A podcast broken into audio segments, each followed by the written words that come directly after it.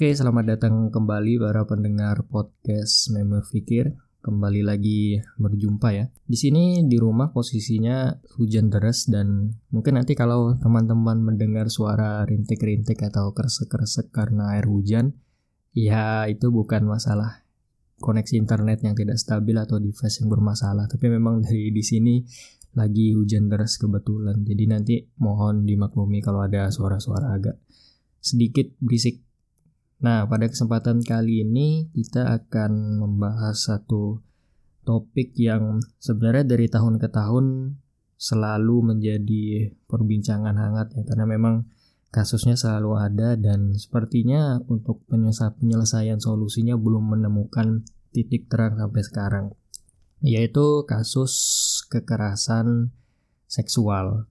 Nah, beberapa hari ke belakang ya sekitar satu minggu atau dua minggu ke belakang ini kebetulan ada satu buah kasus yang menjadi sorotan publik ya.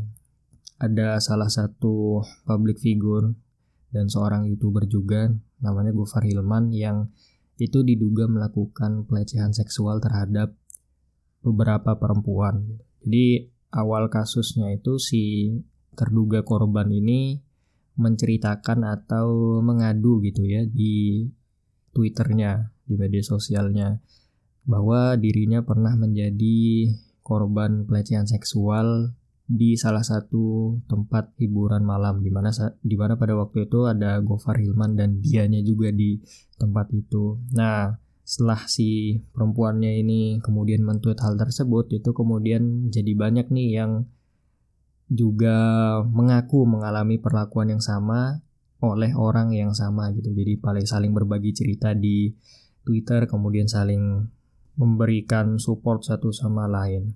Nah, tapi kita tidak akan membahas satu kasus ini secara spesifik, maksudnya kasusnya Gofar Hilman ini, tapi kita coba membahas satu buah pertanyaan yang sebenarnya agak sedikit menggelitik juga ya. Kenapa korban-korban pelecehan atau kekerasan seksual ini di Indonesia ya terutama akhir-akhir ini itu lebih banyak yang memilih untuk menceritakan atau berbagi kisah pengalamannya itu di media sosial ya. Dibanding misalnya dengan melaporkan atau mengurus kasusnya secara resmi melalui pihak yang berwajib. Dalam hal ini polisi tentu saja. Nah sebenarnya ada beberapa alasan yang mengapa para perempuan yang menjadi korban pelecehan seksual ini melakukan hal seperti ini ya jadi ini sebenarnya juga pertanyaan yang banyak dibahas dan banyak dikomentari di status-status atau ketika ada korban yang menceritakan gitu ya pengalaman atau kisahnya yang menjadi korban pelecehan seksual. Pertama mungkin yang sudah banyak diketahui oleh orang banyak itu biasanya kasus penegakan hukum soal kekerasan seksual itu adalah kasus yang sering kali menemui jalan buntu ya, baik itu di tahap penyelidikan awal dan di tahap akhir di proses pengadilan. Nah, maka dari itu mayoritas korban pelecehan seksual, terutama perempuan ya, yang dia itu sudah melapor ke polisi bahkan sampai ke tahap akhir di proses pengadilan itu mungkin mengalami ketidakpuasan ya terhadap keseluruhan prosesnya sehingga banyak yang lebih memilih untuk menceritakan atau berbagi kisahnya di media sosial. Karena ada potensi untuk lebih besar didengar dan diperdulikan.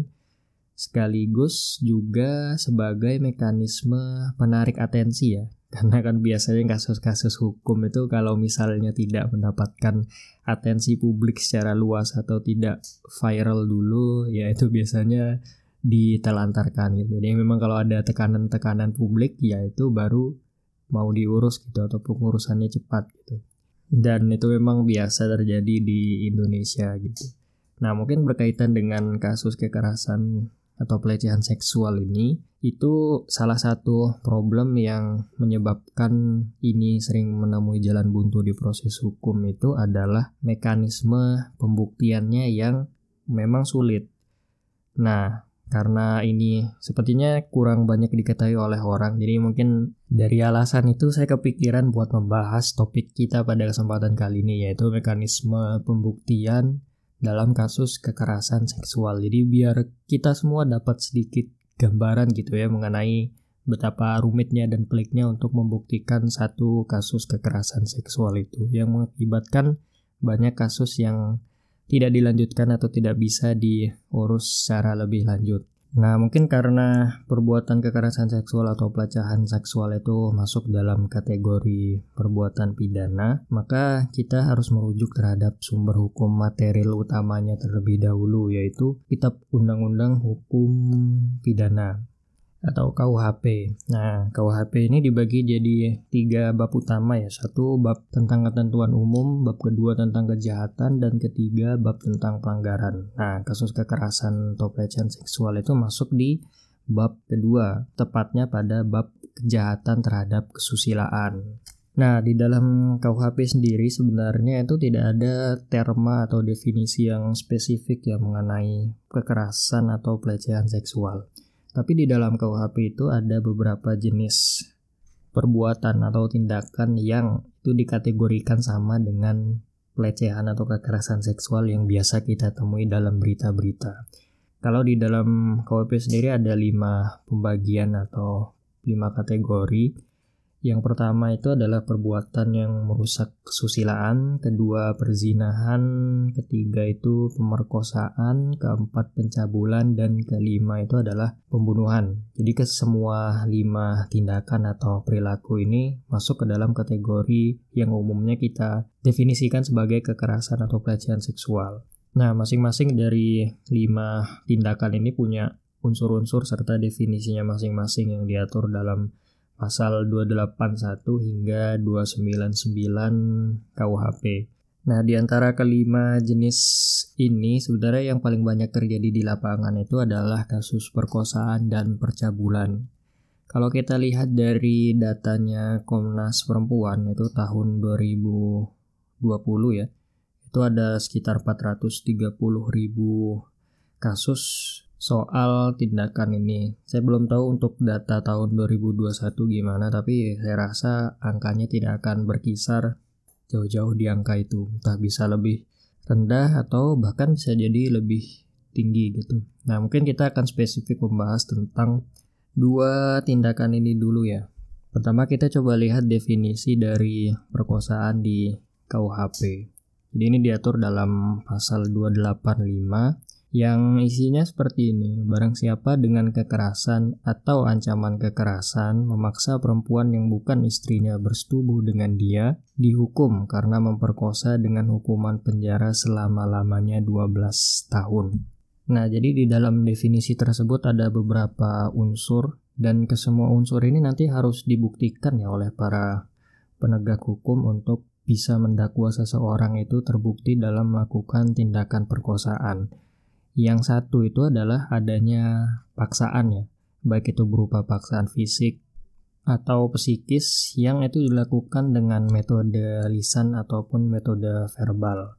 Kalau ancaman dalam bentuk fisik misalnya dalam bentuk tarikan, kemudian pukulan, tamparan terhadap korban, lalu kemudian kalau dalam bentuk lisan atau psikis itu dalam bentuk ancaman. Jadi misalnya ancaman untuk dibunuh, atau misalnya kalau perkosaan dalam lingkup pendidikan itu biasanya guru mengancam tidak meluluskan atau tidak menaikkan nilainya. Nah, itu adalah bentuk-bentuk dari adanya unsur paksaan dalam perkosaan. Dan itu nanti harus dibuktikan di pengadilan. Kemudian yang kedua itu adalah unsur tidak adanya persetujuan atau dalam bahasa umumnya disebut sebagai konsensus atau konsen. Jadi misalnya kalau ada orang laki dan perempuan yang itu melakukan hubungan seksual, tapi perbuatan mereka itu didasarkan atas kesadaran atau persetujuan kedua belah pihak, maka itu tidak bisa dikategorikan sebagai bentuk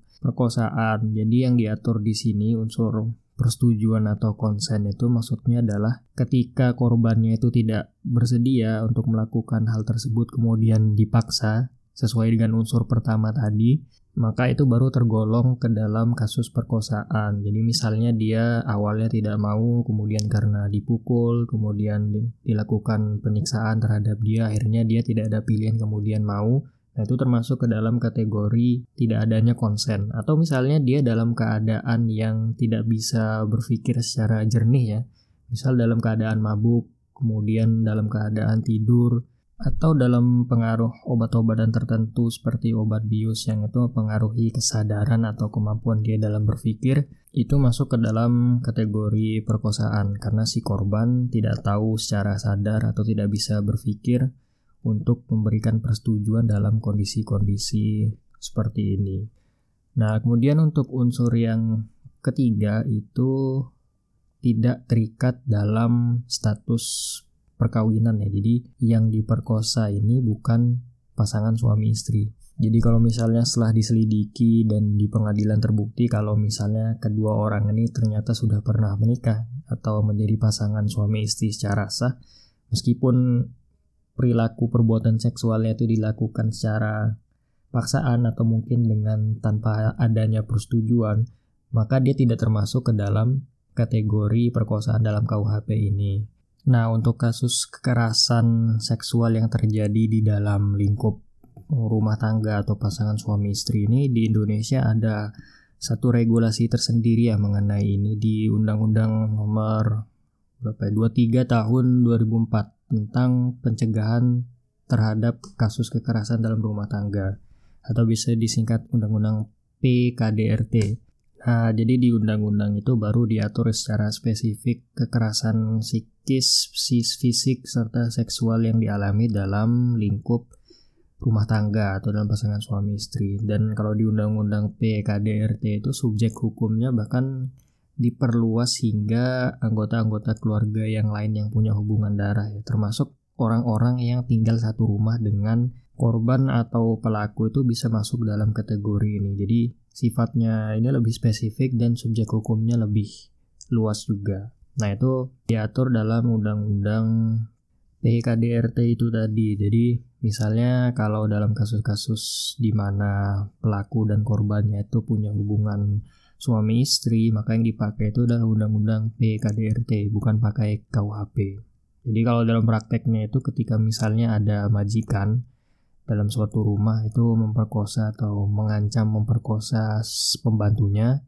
Nah, karena di dalam subjek hukumnya itu orang yang tinggal dalam satu rumah dengan pelaku atau korban itu masuk ke dalam subjek hukum yang kena dalam undang-undang ini maka yang dipakai itu adalah undang-undang PKDRT. Jadi titik fokus atau titik yang membedakan antara keduanya itu adalah hubungan ada atau tidaknya hubungan suami istri antara pelaku dengan korban. Kalau ada pakai undang-undang PKDRT lalu kalau tidak ada pakai KUHP yang secara umum. Dan unsur terakhir yang itu ada dalam tindak pidana perkosaan itu adalah adanya persetubuhan atau adanya kontak fisik berupa penetrasi dari alat kelamin pelaku dan juga alat kelamin korban. Jadi kalau misalnya perilaku yang dilakukan itu adalah meraba-raba, kemudian memberikan gestur, ingin melakukan perbuatan seksual dan hal-hal lain yang itu belum sampai menjurus ke kontak fisik berupa penetrasi alat kelamin, maka itu tidak dikategorikan sebagai bentuk perkosaan. Jadi dalam empat unsur tadi adanya paksaan, kemudian tidak adanya persetujuan, kemudian tidak ada hubungan suami istri, kemudian adanya persetubuhan, keempat unsur tersebut harus dibuktikan secara bersama-sama semuanya ya. Jadi kalau misalnya ada satu unsur yang hilang, maka itu tidak dapat dijatuhi hukuman pidana. Nah, satu lagi itu adalah rumusan terkait pencabulan. Tapi sebenarnya antara perkosaan dan pencabulan itu secara definisi dan unsur-unsur hampir sama. Cuma yang membedakan itu adalah pencabulan itu tidak mensyaratkan adanya penetrasi alat kelamin. Jadi kalau misalnya meraba-raba terus mencolek-colek terus mencium-cium dan segala macam itu masuk ke kategori pencabulan. Nah, tapi ketika ada penetrasi maka itu masuk ke perkosaan ditambah dengan unsur-unsur yang tadi sudah disebutkan sebelumnya. Nah, karena ini juga berkaitan dengan hukum pidana, sepertinya penting juga untuk diketahui ya sebagai ilmu tambahan terkait dengan pembagian delik di dalam ketentuan hukum pidana. Jadi delik itu adalah keseluruhan pasal atau peraturan yang itu mengatur tentang perbuatan yang diancam dengan hukuman pidana apabila dilanggar. Nah, kayak misalnya tadi di pasal 285 tentang perkosaan, barang siapa yang dengan ancaman melakukan persetubuhan kepada orang yang bukan istrinya di penjara paling lama 12 tahun. Jadi ada unsur-unsur pertama ada subjek hukum yang diatur, kemudian ada perbuatan yang diatur, kemudian unsur-unsur yang perlu dibuktikan serta ancaman sanksi serta denda yang dikenakan apabila ada orang yang melanggar. Nah, keseluruhan elemen-elemen tersebut disebut sebagai delik yang itu dirumuskan dalam pasal-pasal dalam undang-undang yang itu mengatur tentang ketentuan hukum pidana. Nah, kalau misalnya tadi yang pasal 285 tentang perkosaan ya kita nyebutnya sebagai delik perkosaan gitu. Nah, kalau di dalam pembagian hukum pidana itu delik itu dibagi menjadi dua jenis berdasarkan metode pemrosesannya. Yang pertama itu adalah delik umum atau delik biasa dan yang kedua adalah delik aduan. Nah, bedanya apa? Jadi kalau dalam delik umum itu adalah ketentuan delik yang itu bisa langsung diproses oleh penegak hukum tanpa perlu ada persetujuan atau laporan terlebih dahulu dari pihak korban. Jadi misalnya di jalanan ya ada dua orang pengendara sepeda motor. Kemudian karena senggol-senggolan akhirnya cekcok berkelahi dan kemudian ada salah satu yang terbunuh. Nah, di dalam itu kan ada kasus pembunuhan. Dan delik pembunuhan dalam KUHP itu masuk ke dalam delik umum. Jadi misalnya ketika penegak hukum tahu ada kejadian itu, pada detik itu juga langsung bisa diproses. Jadi nggak perlu adanya aduan, kemudian ada persetujuan dari pihak pihak yang terkait. Jadi orang-orang umum yang misalnya menjadi saksi mata atas kejadian tersebut bisa langsung melaporkan lalu langsung bisa diproses tanpa misalnya ada perlu persetujuan dari kedua belah pihak yang terlibat secara langsung. Nah yang kedua kebalikannya yaitu delik aduan. Seperti namanya delik aduan ini adalah delik yang hanya bisa diproses ketika misalnya ada aduan dari pihak-pihak yang bersengketa. Jadi misalnya kalau tadi kita contohkan di Undang-Undang PKDRT ya tentang perkosaan dalam perkawinan atau bisa disebut marital rape. Di Undang-Undang PKDRT itu untuk bisa diproses kasusnya si pihak-pihak yang bersengketa entah itu suami ataupun istri harus menjadi pihak yang mengadu atau membuat laporan terlebih dahulu sebelum kasusnya bisa diproses secara hukum. Jadi misalnya kalau di dalam keluarga ada salah seorang kepala keluarga ya misalnya yang suka bertindak kasar kemudian melakukan tindakan kekerasan verbal dan semacamnya tapi ternyata misalnya istrinya atau anaknya itu tidak masalah dengan perbuatannya itu. Jadi karena mungkin terlalu sayang kemudian kasihan dengan pelakunya dan berbagai macam pertimbangan-pertimbangan lain jika misalnya dari pihak korban, contohnya adalah istri ataupun anaknya itu tidak mengadukan atau tidak mempermasalahkan ke pihak yang berwajib, maka kasus seperti ini ini tidak bisa dilanjutkan secara hukum meskipun secara nyata perbuatan kekerasan itu terjadi. Karena memang delik aduan itu syaratnya itu seperti itu. Jadi ketika tidak ada aduan dari pihak yang bersengketa maka kasus itu tidak bisa diproses atau dilanjutkan secara hukum meskipun kita mengetahui secara nyata bahwa tindakan kekerasan itu salah dan masih dilakukan oleh pihak yang bersangkutan. Tapi yang namanya delik aduan ketika tidak ada laporan maka itu tidak bisa diintervensi oleh penegak hukum. Termasuk orang-orang yang menjadi saksi itu ketika misalnya melaporkan hal tersebut karena mungkin simpati atau iba dengan penderitaannya korban ya laporannya itu tidak bisa diterima karena bukan termasuk pihak yang bersengketa secara langsung atau pihak-pihak yang memiliki hubungan tanggung jawab atau darah dengan korban. Misalnya kalau dalam kasus perzinahan, korban perempuannya itu bisa diwakilkan laporannya oleh ayahnya atau ibunya atau mungkin walinya ya. Jadi itu delik aduan. Dan sebenarnya delik aduan itu dibagi lagi menjadi dua jenis. Pertama delik aduan absolut. Kemudian ada delik aduan relatif. Kalau delik aduan absolut itu yang kita laporkan itu adalah peristiwanya.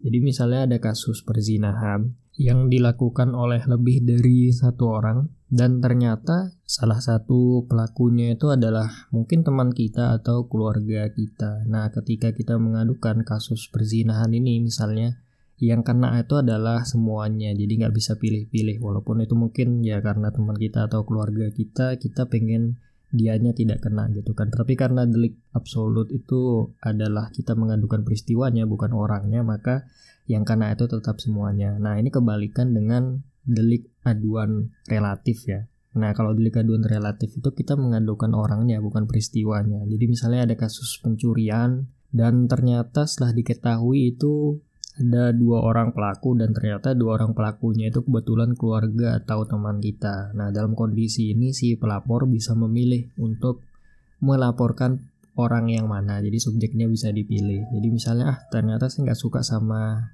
saudara atau teman saya yang A saja nih karena orangnya suka nggak berutang atau suka bikin emosi. Ya udah akhirnya saya laporkan yang A doang di berkas lapornya. Sedangkan yang si B karena baik ya itu artinya nggak dilaporkan. Nah dalam teori dan dalam praktek tuh bisa dilakukan. Kalau misalnya ketentuan pidananya itu adalah jenis delik aduan relatif seperti misalnya di pencurian tadi. Jadi intinya delik aduan itu adalah proses penegakan hukum itu kembali diserahkan kepada pihak-pihak yang jadi korban dalam kasus tersebut. Kalau dia misalnya memilih untuk tidak meneruskan atau tidak melaporkan, ya itu tidak bisa untuk diproses karena sifatnya delik aduan itu adalah perlu adanya laporan awal dari korban untuk bisa diproses lebih lanjut. Beda dengan delik umum atau delik biasa yang tidak perlu adanya laporan awal untuk bisa diproses. Nah, itu ada sedikit tentang pembedaan jenis delik berdasarkan metode pemrosesannya dalam hukum pidana.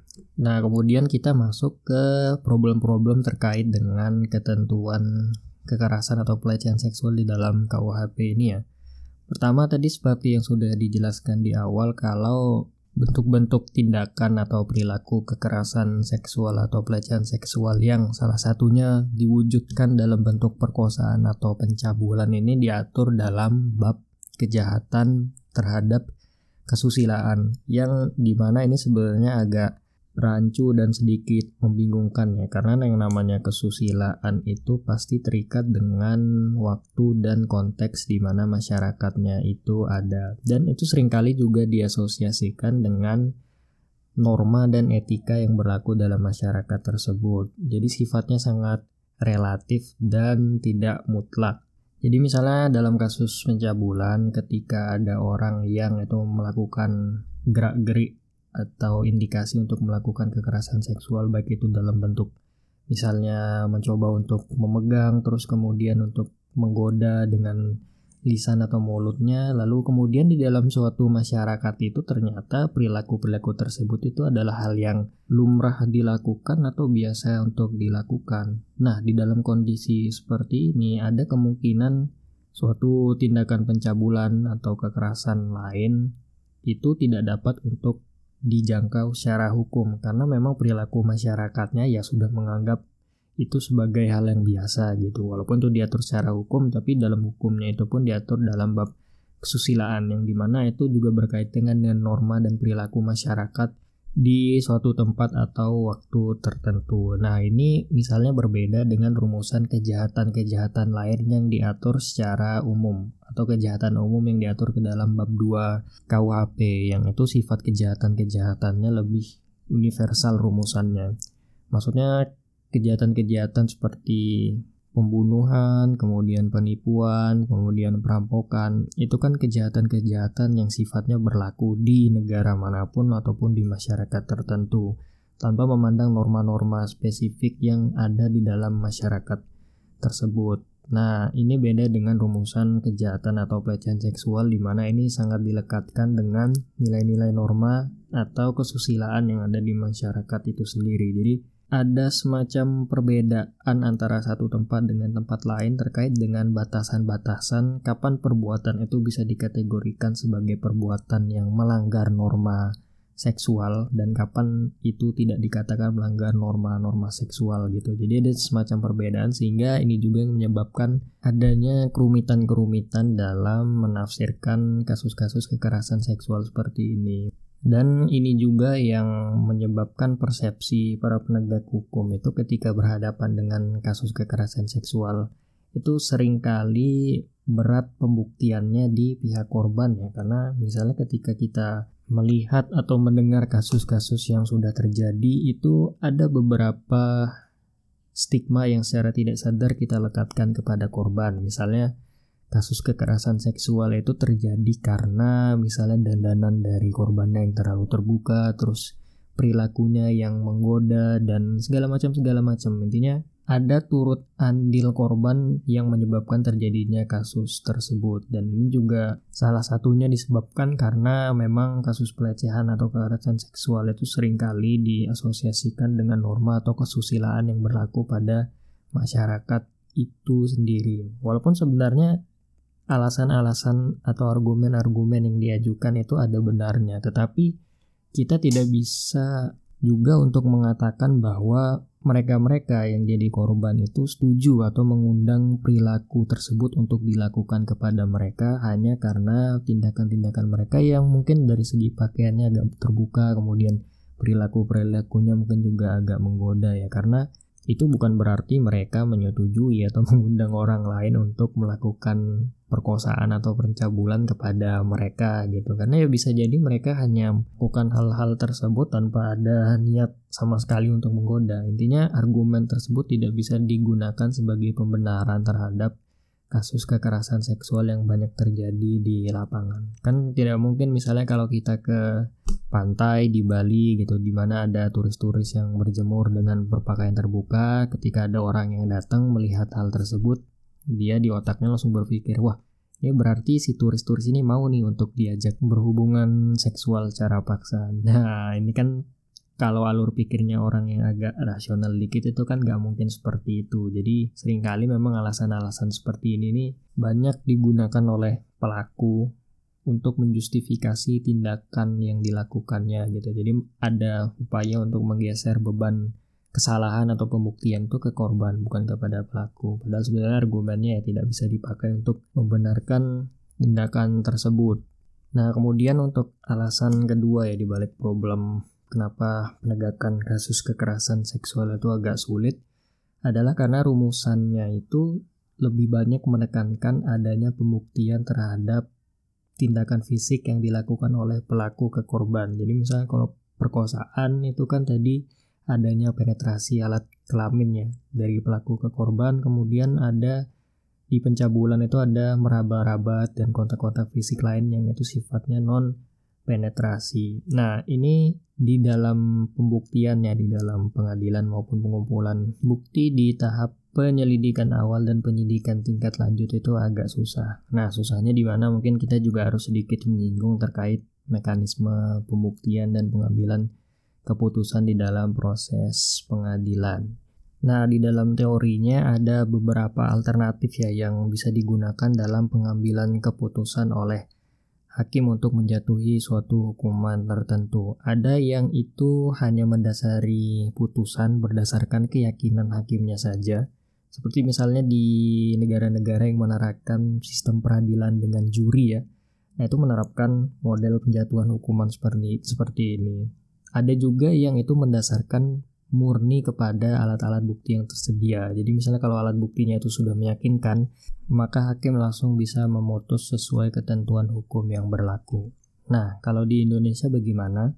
Kalau di Indonesia itu menerapkan yang disebut sebagai negatif Wetterlich Beweis Theory atau teori pembuktian negatif. Jadi untuk sebuah keputusan itu ditetapkan atau dijatuhkan, maka sekurang-kurangnya harus ada dua alat bukti yang sah dan kemudian ditambah dengan adanya keyakinan hakim yang tentu saja berasal dari adanya dua alat bukti itu tadi. Nah, kalau di ketentuan peradilan kita itu ada lima alat bukti yang diakui secara undang-undang dan dapat digunakan dalam peradilan. Yang pertama itu ada keterangan saksi yang melihat, mendengar, atau berada di tempat kejadian secara langsung dan bisa menerangkan detail-detail peristiwa yang terjadi saat itu. Kemudian yang kedua ada keterangan ahli. Keterangan ahli ini misalnya dalam kasus pembunuhan menggunakan racun atau mungkin obat bius itu kan perlu ada pembuktian berupa zat-zat tersebut dalam anggota tubuh dalam korban ya. Nah, itu makanya didatangkan dokter, kemudian ahli farmasi, ahli kimia dan segala macam yang itu berkaitan dengan kasus tersebut. Itu keterangan ahli. Yang ketiga ada bukti surat. Nah, surat ini adalah dokumen segala macam jenis dokumen administrasi yang itu berkaitan dengan kasus yang terjadi. Jadi misalnya untuk kasus pidana penipuan, ada dua orang yang bersengketa yang ingin membuktikan siapa sebenarnya pemilik dari suatu barang, katakanlah kendaraan bermotor ya atau sepeda motor.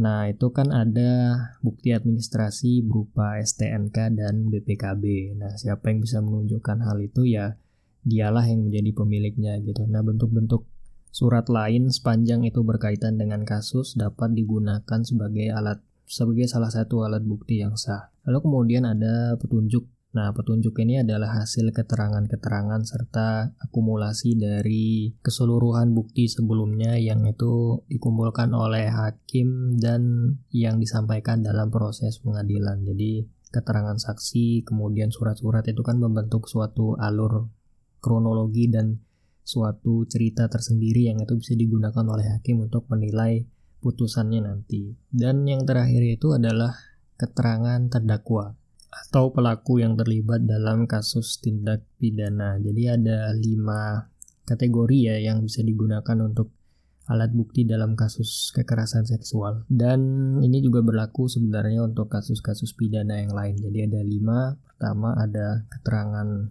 saksi, kemudian keterangan ahli, kemudian ada surat keempat petunjuk, dan yang kelima ada keterangan terdakwa. Nah, biasanya dalam kasus kekerasan seksual itu yang sulit untuk dibuktikan itu ada di faktor nomor 1 dan 3, yaitu keterangan saksi dan surat. Nah, kenapa begitu? Karena dalam keterangan saksi itu minimal harus ada dua orang saksi ya yang bisa memberikan testimoni terhadap kejadian yang terjadi pada saat itu. Jadi selain korban harus ada satu lagi. Nah, masalahnya itu adalah di kasus-kasus kekerasan seksual itu terjadi di ruang-ruang dan tempat-tempat yang sepi atau tidak banyak orang. Misalnya ada di kamar, di hotel, di bangunan yang sepi dan macam-macam. Jadi tidak ada saksi mata lain selain korban dan pelaku yang berada di tempat tersebut. Nah, ini kendalanya itu adalah di sana, di mana sering kali saksi itu tidak ada yang lain selain korban, sehingga testimoninya itu secara kekuatan bisa dibilang agak lemah ya dibanding ketika misalnya bisa mendatangkan saksi selain dia atau lebih dari satu. Nah, kemudian yang juga agak sedikit ribet pembuktiannya itu adalah di alat bukti surat. Jadi alat bukti surat ini bisa dalam bentuk hasil laporan tertulis yang dilakukan oleh dokter mengenai visum terhadap korban atau juga bisa berbentuk surat keterangan dari psikolog mengenai kondisi-kondisi mental atau penyakit yang dialami oleh korban. Pertama untuk yang visum dulu, jadi yang dilaporkan dalam hasil visum itu adalah bukti-bukti adanya kekerasan seksual yang terdapat dalam tubuh korban. Jadi utamanya kalau di dalam visum itu ada istilah yang disebut sebagai anamnesis ya. Jadi prosedurnya itu meliputi pertama wawancara terhadap korban yang dilakukan oleh dokter, kemudian ada penyelidikan-penyelidikan fisik yang dilakukan di seluruh tubuh korban. Jadi pertama korban itu ditanya mengenai kondisi kesehatannya secara umum. Ya ini persis seperti kalau kita cek rutin ke rumah sakit atau puskesmas ya ditanya pernah mengkonsumsi obat apa selama dua minggu terakhir kemudian ada riwayat penyakit apa ada keluhan dan segala macam. Nah itu sifatnya yang umum. Nah nanti yang kemudian yang lebih khusus itu adalah mencari bukti-bukti fisik yang mungkin tertinggal pada tubuh korban. Kalau di dalam proses anamnesis itu sebenarnya yang paling utama itu ada tiga ya. Pertama itu ada bukti bekas sperma di dalam kemaluannya korban. Karena kalau misalnya dalam kasus perkosaan, unsur penetrasi itu merupakan salah satu unsur penting yang perlu dibuktikan sehingga perlu adanya alat bukti berupa sampel sperma di dalam alat kelamin korban. Nah, kemudian yang kedua itu adalah adanya bukti kekerasan berupa memar terus lebam yang terjadi di tubuh korban termasuk di kemaluan ya kalau misalnya ada kerusakan di bagian interior dalamnya. Nah, itu berguna untuk membuktikan unsur adanya paksaan atau kekerasan dalam rumusan perkosaan itu tadi. Nah, kemudian yang ketiga terakhir itu adalah bukti-bukti sisa kulit serta air liur yang ada di bagian tubuh korban. Ya, jadi kalau misalnya korban itu melawan kan biasanya di dalam kukunya itu tertinggal kulit dari pelaku ya.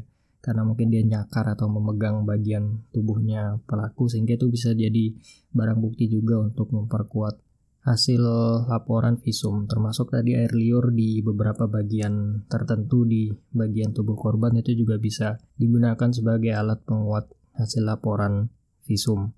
Nah sebenarnya ada banyak lagi sih yang bisa dilaporkan di dalam hasil visumnya itu tapi intinya yang tiga itu yang jadi prioritas utama untuk dicari karena kekuatan pembuktiannya yang lebih kuat dibanding yang lain karena berkaitan juga dengan unsur-unsur delik yang perlu dibuktikan dalam pasal tersebut.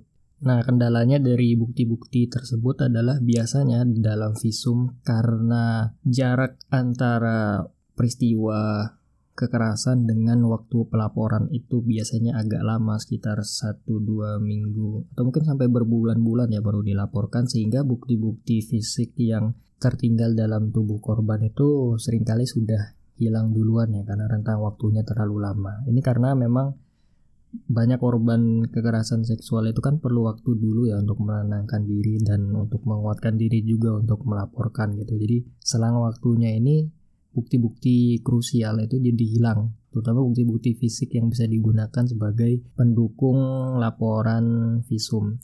Nah, maka dari itu memang ketika ada seseorang yang menjadi korban kekerasan seksual itu bagusnya segera untuk dilaporkan ke polisi dan kemudian segera dilakukan pemeriksaan di puskesmas atau rumah sakit terdekat supaya bukti-buktinya itu tidak hilang karena waktunya terlalu lama. Atau sebenarnya ini juga bisa diakali dengan melakukan dokumentasi terhadap bukti-bukti fisik tubuh korban atau mungkin baju-baju serta lokasi yang menjadi tempat kasus kekerasan itu terjadi. Karena memang bukti-bukti foto, dokumentasi dan segala macam itu juga bisa digunakan sebagai alat bukti surat untuk mendukung di pengadilan tadi. Dan selain masalah-masalah jangka waktu dan bukti yang cenderung cepat hilang, itu juga ada beberapa macam perkara-perkara teknis lain ya yang menghambat pembuktian kayak misalnya ketika ada bukti kerusakan dalam alat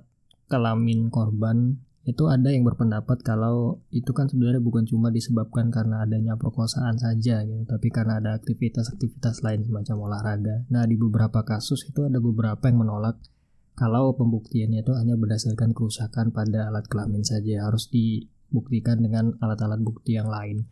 Dan juga ada kendala-kendala formal teknis seperti ketidakadaan biaya ya untuk melakukan visum. Nah, ini sebenarnya agak agak lucu juga ini saya dapat cerita dari salah seorang anggota lembaga bantuan hukum Rifka Anissa di Jogja ya yang merupakan salah satu lembaga bantuan hukum yang fokus ke masalah advokasi pelecehan dan kekerasan seksual. Jadi katanya anggaran di kepolisian atau pengadilan itu tidak cukup untuk membiayai keperluan visum dari korban. Jadi karena itu kasusnya jadi agak stuck dan tidak dilanjutkan. Tapi ini sebenarnya saya dulu tuh belum menggali lebih lanjut ya terkait problem ini cuma mendengar dari kisah yang dituturkan oleh mbaknya tadi. Jadi saya belum bisa menjelaskan lebih lanjut terkait problem ini.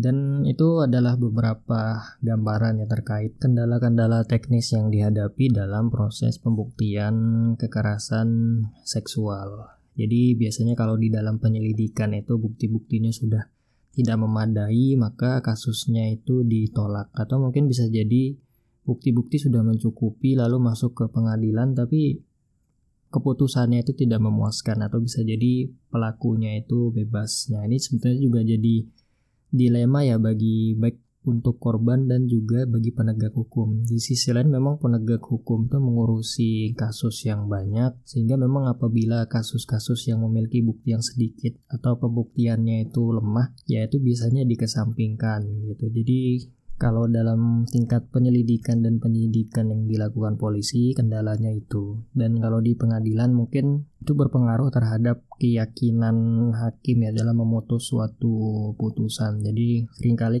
ketiadaan bukti atau bukti yang lemah itu membuat hakim melepaskan atau menjatuhkan hukuman yang lebih rendah dari yang dituntut oleh jaksa penuntut umum. Jadi ya itu adalah dilema dari kedua belah pihak ya. Di satu sisi korban juga ingin mendapatkan keadilan yang setinggi-tingginya dan sebenar-benarnya. Tapi di sisi lain penegak hukum ini juga butuh kepastian hukum ya dan tidak bisa menjatuhkan putusan kalau misalnya alat buktinya itu tidak meyakinkan dan tidak kuat untuk dijadikan dasar sebagai putusan pidana. Jadi di satu sisi ada problem terkait sistem pembuktiannya, tapi di sisi lain memang ada permasalahan terkait sisi keadilan hukum untuk korbannya itu juga ya. Dan di sisi lain memang adanya pandangan yang menganggap bahwa kekerasan seksual itu memang pembuktiannya lebih berat ke arah korban dibanding ke arah pelaku. Dan karena sekarang ini juga sepertinya kasus-kasus seperti ini tidak memandang tempat ya, maksudnya bisa terjadi di lingkungan keluarga dan lingkungan pendidikan, baik itu dilakukan oleh dosen ataupun mahasiswanya, kemudian di lingkungan kerja apalagi yang paling banyak dan itu semua jadi alasan-alasan mengapa di kesempatan kali ini sepertinya kita juga penting untuk mengetahui sedikit ya tentang kasus kekerasan seksual dan spesifiknya terkait bagaimana mekanisme pembuktiannya dalam sistem hukum kita. Dan kira-kira apa lagi ya yang perlu untuk dibahas? Hmm, saya kira untuk kesempatan kali ini cukup sekian ya mungkin biar nggak terlalu panjang nanti takutnya malah susah dipahami. Jadi intinya kalau misalnya kita melihat orang-orang atau korban-korban yang itu dia bercerita dan berbagi di media sosial itu ya cukup ditanggapi dengan biasa dan diberikan alternatif saran untuk menyelesaikan masalahnya. Bisa melalui jalur hukum atau bisa jadi melalui jalur psikolog dulu untuk menenangkan dirinya. Jadi nggak perlu di komentari yang macam-macam atau di komentari yang jelek karena memang orang yang bercerita itu ya bisa jadi itu adalah salah satu bentuk apa ya pelampiasan frustasi dan kemarahannya karena tidak bisa diakomodir oleh proses hukum atau mungkin juga sebagai mekanisme dia dalam menenangkan diri. Jadi memang orang yang cerita ini sebenarnya juga sangat berani ya karena sudah berani untuk membagikan cerita-cerita yang menurut saya sangat sensitif dan sangat privat seperti pelecehan seksual ini dan itu sebenarnya juga bisa jadi bumerang ya atau pedang bermata dua. Jadi bisa menguntungkan dan juga bisa merugikan bagi dianya. Karena ada ya ada beberapa orang yang merespon orang-orang begini dengan tidak baik dan tidak pas ya. Jadi memang penanganannya itu harus proporsional dan sesuai dengan kebutuhan dari masing-masing orang ya.